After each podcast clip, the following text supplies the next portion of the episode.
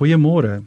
34 uitstaande wonderwerke van Jesus is vir ons opgeteken in die evangelies. Johannes se evangelie plaas die kollig op 7 van hierdie 34. Elkeen van die sewe wonderwerke, ook bekend as tekens, openbaar 'n ander uitstaande dimensie van Jesus se wonderbaarlike krag. Elkeen van hierdie wonderwerke is nie net feite van die verlede nie, nie net geskiedenis wat ons in die Bybel lees nie. Elke wonderwerk is 'n mikroeenheid Dis 'n prentjie wat God in jou lewe wil en kan doen, ook nou in die teenwoordige tyd.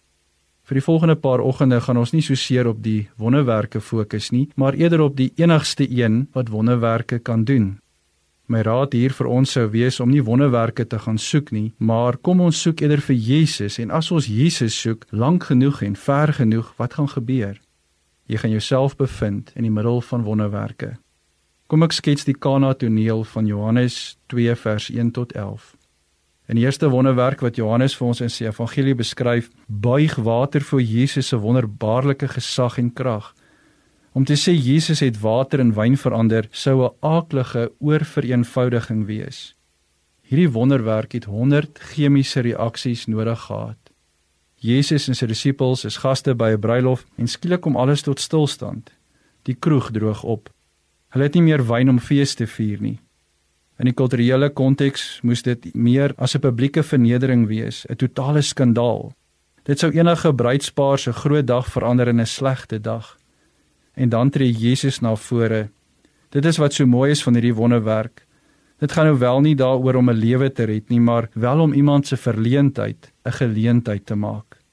Ons dien 'n wondergod, Hy's nie net groot omdat niks te groot vir hom is nie, maar hy's groot want niks is te klein vir hom om sy volle aandag daaraan te gee nie. Wyn by 'n bruilof was nie te gering nie. Hy gee om vir elke klein stukkie detail in ons lewens. As dit vir jou belangrik is, is dit vir God belangrik.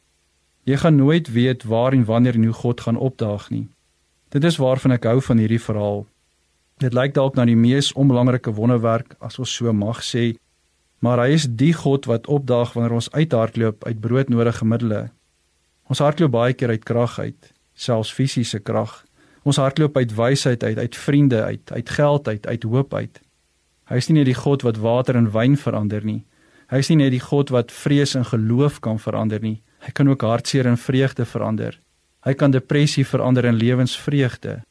Ons God kan enigiets in enigiets verander.